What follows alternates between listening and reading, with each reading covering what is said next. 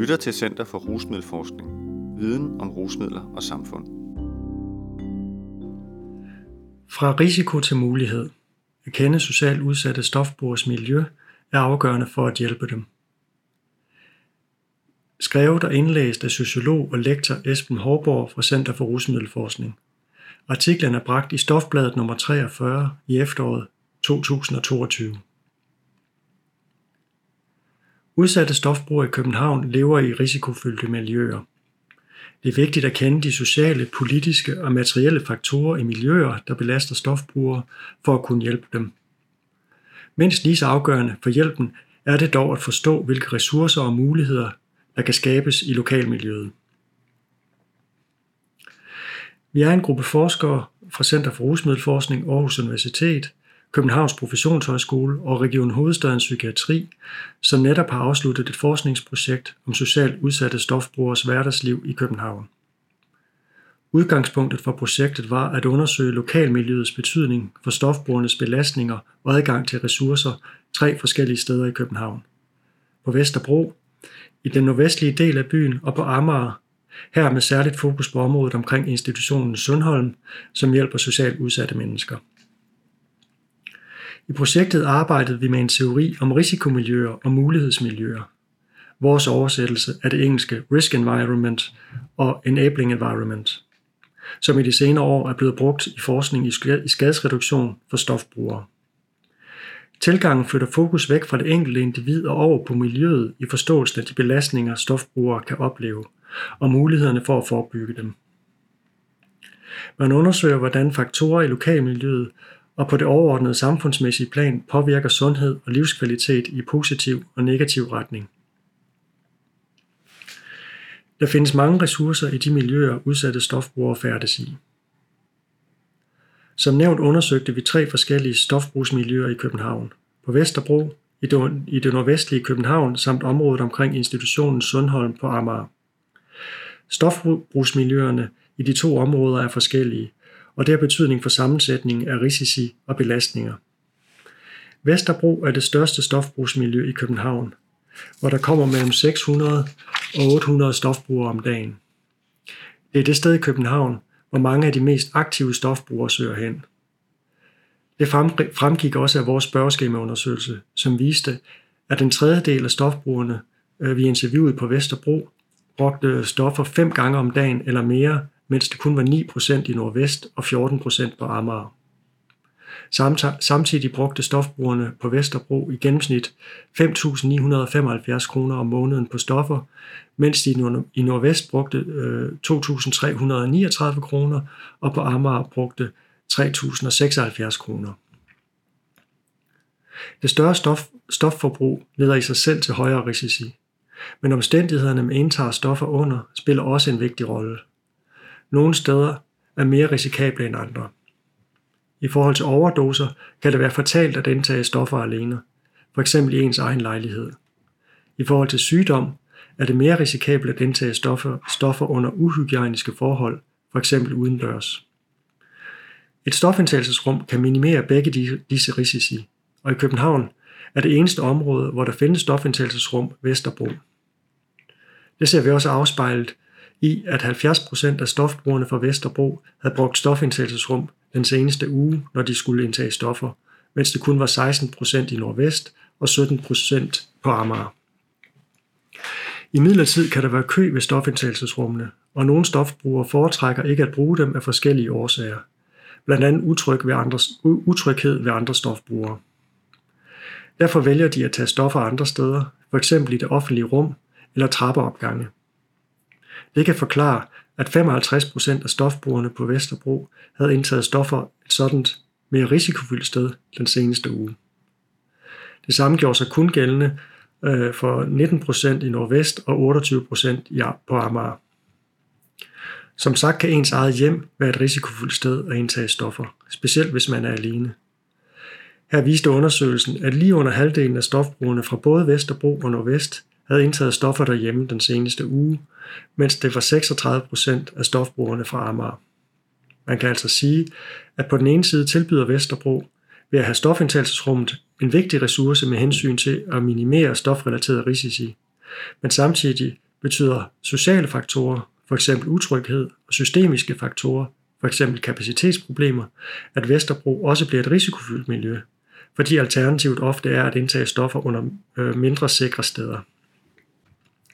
Dertil kommer, at fordi Vesterbro er hjemsted for det største og mest aktive stofbrugsmiljø i byen, også er et miljø, hvor en lang række af de risici, der er forbundet med stofbrugsmiljøer, er større end de to andre områder. Det gælder særligt risikoen for at blive udsat for tyveri, røveri, vold og seksuelle overgreb. Det viser vores undersøgelse også.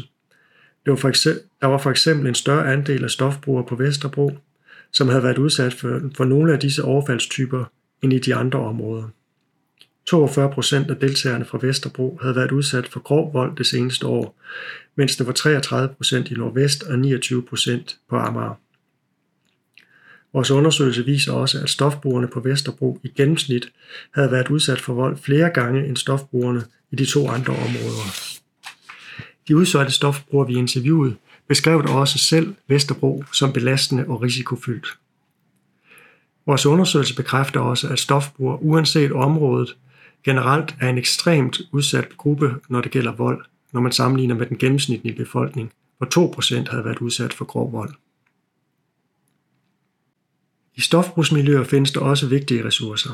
Når man undersøger socialt udsatte stofbrugers lokalmiljøer, er det dog også vigtigt at se på, hvilke ressourcer der findes og hvilke muligheder for hjælp, der kan gives med tanke på disse ressourcer. I undersøgelsen har vi skændet mellem uformelle ressourcer, som man har adgang til via gennem sine sociale relationer og netværk, og formelle ressourcer, som man har adgang til via offentlige eller private hjælpetilbud. I forhold til de formelle ressourcer har vi desuden skældnet mellem høj, højtærskelressourcer, som kræver visitation fra kommune eller læge, og lavtærskelressourcer, som ikke kræver visitation. De uformelle ressourcer har vi i undersøgelsen opdelt i fire kategorier. Stofrelaterede, materielle, sociale og affektive emotionelle ressourcer. Uformelle ressourcer, stofrelaterede. En vigtig ressource for mange stofbrugere er naturligvis stoffer. Desto mere aktivt, det vil sige hyppigt og omfattende et stofbrug man har, desto vigtigere er stofferne i hverdagen. Det er derfor også på Vesterbro, vi fandt den største andel stofbrugere, som fik stofrelateret hjælp i deres sociale netværk. For eksempel at få stoffer eller kontakter til at købe stoffer. Stofferne kan for eksempel være kokain eller heroin, men det kan også være illegal substitutionsmedicin, det vil sige medicin, som gives for at erstatte stoffer, som for eksempel metadon. Det var en større andel af stofbrugerne i Nordvest end i de andre bydele, som brugte illegal substitutionsmedicin, hvilket kan indikere, at flere i det, i det område supplerer den legale lægeordinerede medicin, de fik i forvejen, fordi de synes, at de ikke får nok. Uformelle ressourcer, materielle.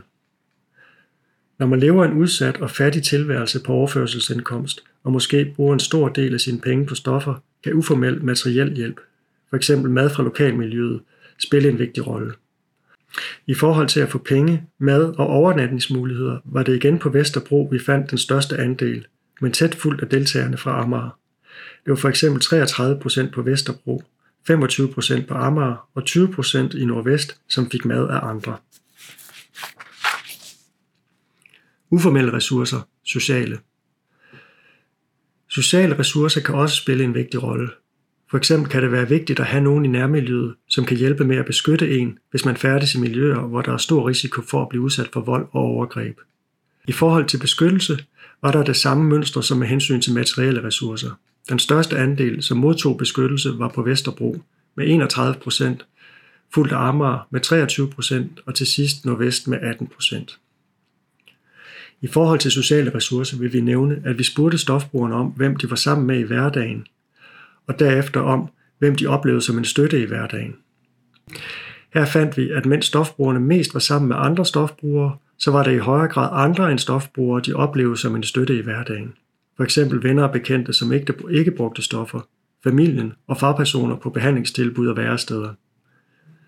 Den mest markante forskel på hvem man var sammen med og hvem man oplevede som en støtte, fandt vi blandt stofbrugerne på Vesterbro. Her svarede 62 procent, at de var sammen med andre stofbrugere i hverdagen, mens det kun var 19 procent, som oplevede venner og bekendte, der brugte stoffer som en støtte. I Nordvest var det 49 procent, som var sammen med andre stofbrugere i hverdagen, og 39 procent, som oplevede andre stofbrugere som en støtte. Disse resultater passer godt sammen med de kvalitative beskrivelser af forskellene på stofbrugsmiljøerne i de forskellige områder af byen, hvor Vesterbro blev beskrevet som et mere råt og utrygt sted end Nordvest Amager. Når det er sagt, så er der også stofbrugere, som, oplever, som oplevede Vesterbro som et sted, hvor de kunne mødes med venner og bekendte. Uformelle ressourcer, emotionelle. Den form for uformel hjælp, som flest stofbrugere fortalte, at de modtog fra andre, var opmundring, støtte og moralsk opbakning. Især stofbrugerne fra Nordvest svarede, at de fik den slags støtte fra lokalmiljøet. Det galt således 66 procent af stofbrugerne fra Nordvest, mens det var 56 procent af deltagerne fra Vesterbro og 44 procent af deltagerne fra Amager. Dette korresponderer godt med svar på spørgsmål om stofbrugernes bekymringer i hverdagen. Og det, der fyldte mest, var at svigte mennesker, man holdt af, altså affektive og emotionelle relationer med andre mennesker. Om der er formelle ressourcer, f.eks. væresteder, spiller også en vigtig rolle. Ligesom der er forskel på miljøernes risikoprofil, er der også forskel på områderne med hensyn til de formelle ressourcer, der findes. En vigtig forskel er, at der er flere lavtærskelressourcer på Vesterbro end i de to andre områder. Det kan forklares med, at Vesterbro har en lang historie med at være et område med mange socialt udsatte mennesker, samt øh, det særlige stofbrugsmiljø i området. Vi ser det afspejlet i, at en større andel af stofbrugerne fra Vesterbro end i de to andre områder hvor lavtærskeltilbud som sundhedsklinikker, væresteder og uddeling af gratis eller billig mad, og en mindre andel øh, er i substitutionsbehandling og får hjælp fra kommunale kontaktpersoner og mentorer. På den måde kan de formelle ressourcer i de forskellige miljøer måske sige at matche de forskellige grupper af stofbrugere i områderne. Men forskellene kan også ses som udtryk for mangel på tilgængelige tilbud. Når det for eksempel er 56% af stofbrugerne på Vesterbro, som er i substitutionsbehandling, mens det er 83% af stofbrugerne i Nordvest, er det muligvis udtryk for manglende tilbud om substitutionsbehandling, som matcher de mest udsatte stofbrugere på Vesterbro. I forbindelse med covid-19 etablerede Københavns Kommune et tilbud om fremskudt substitutionsbehandling på Vesterbro for at nedbryde de barriere, som nogle stofbrugere oplever. Ordningen er siden blevet udvidet og løber forløb i en fire periode. Modsat på Vesterbro er der få lavtærskeltilbud i Nordvest, men derimod tre substitutionsbehandlingstilbud. Især stofbrugerne fra, fra Nordvest fortæller om kedsomhed og ensomhed, specielt hvis de prøver at lægge liv som aktiv stofbruger bag sig – og et værested som socialt tilbud er derfor en manglende ressource. Fra risikomiljø til mulighedsmiljø.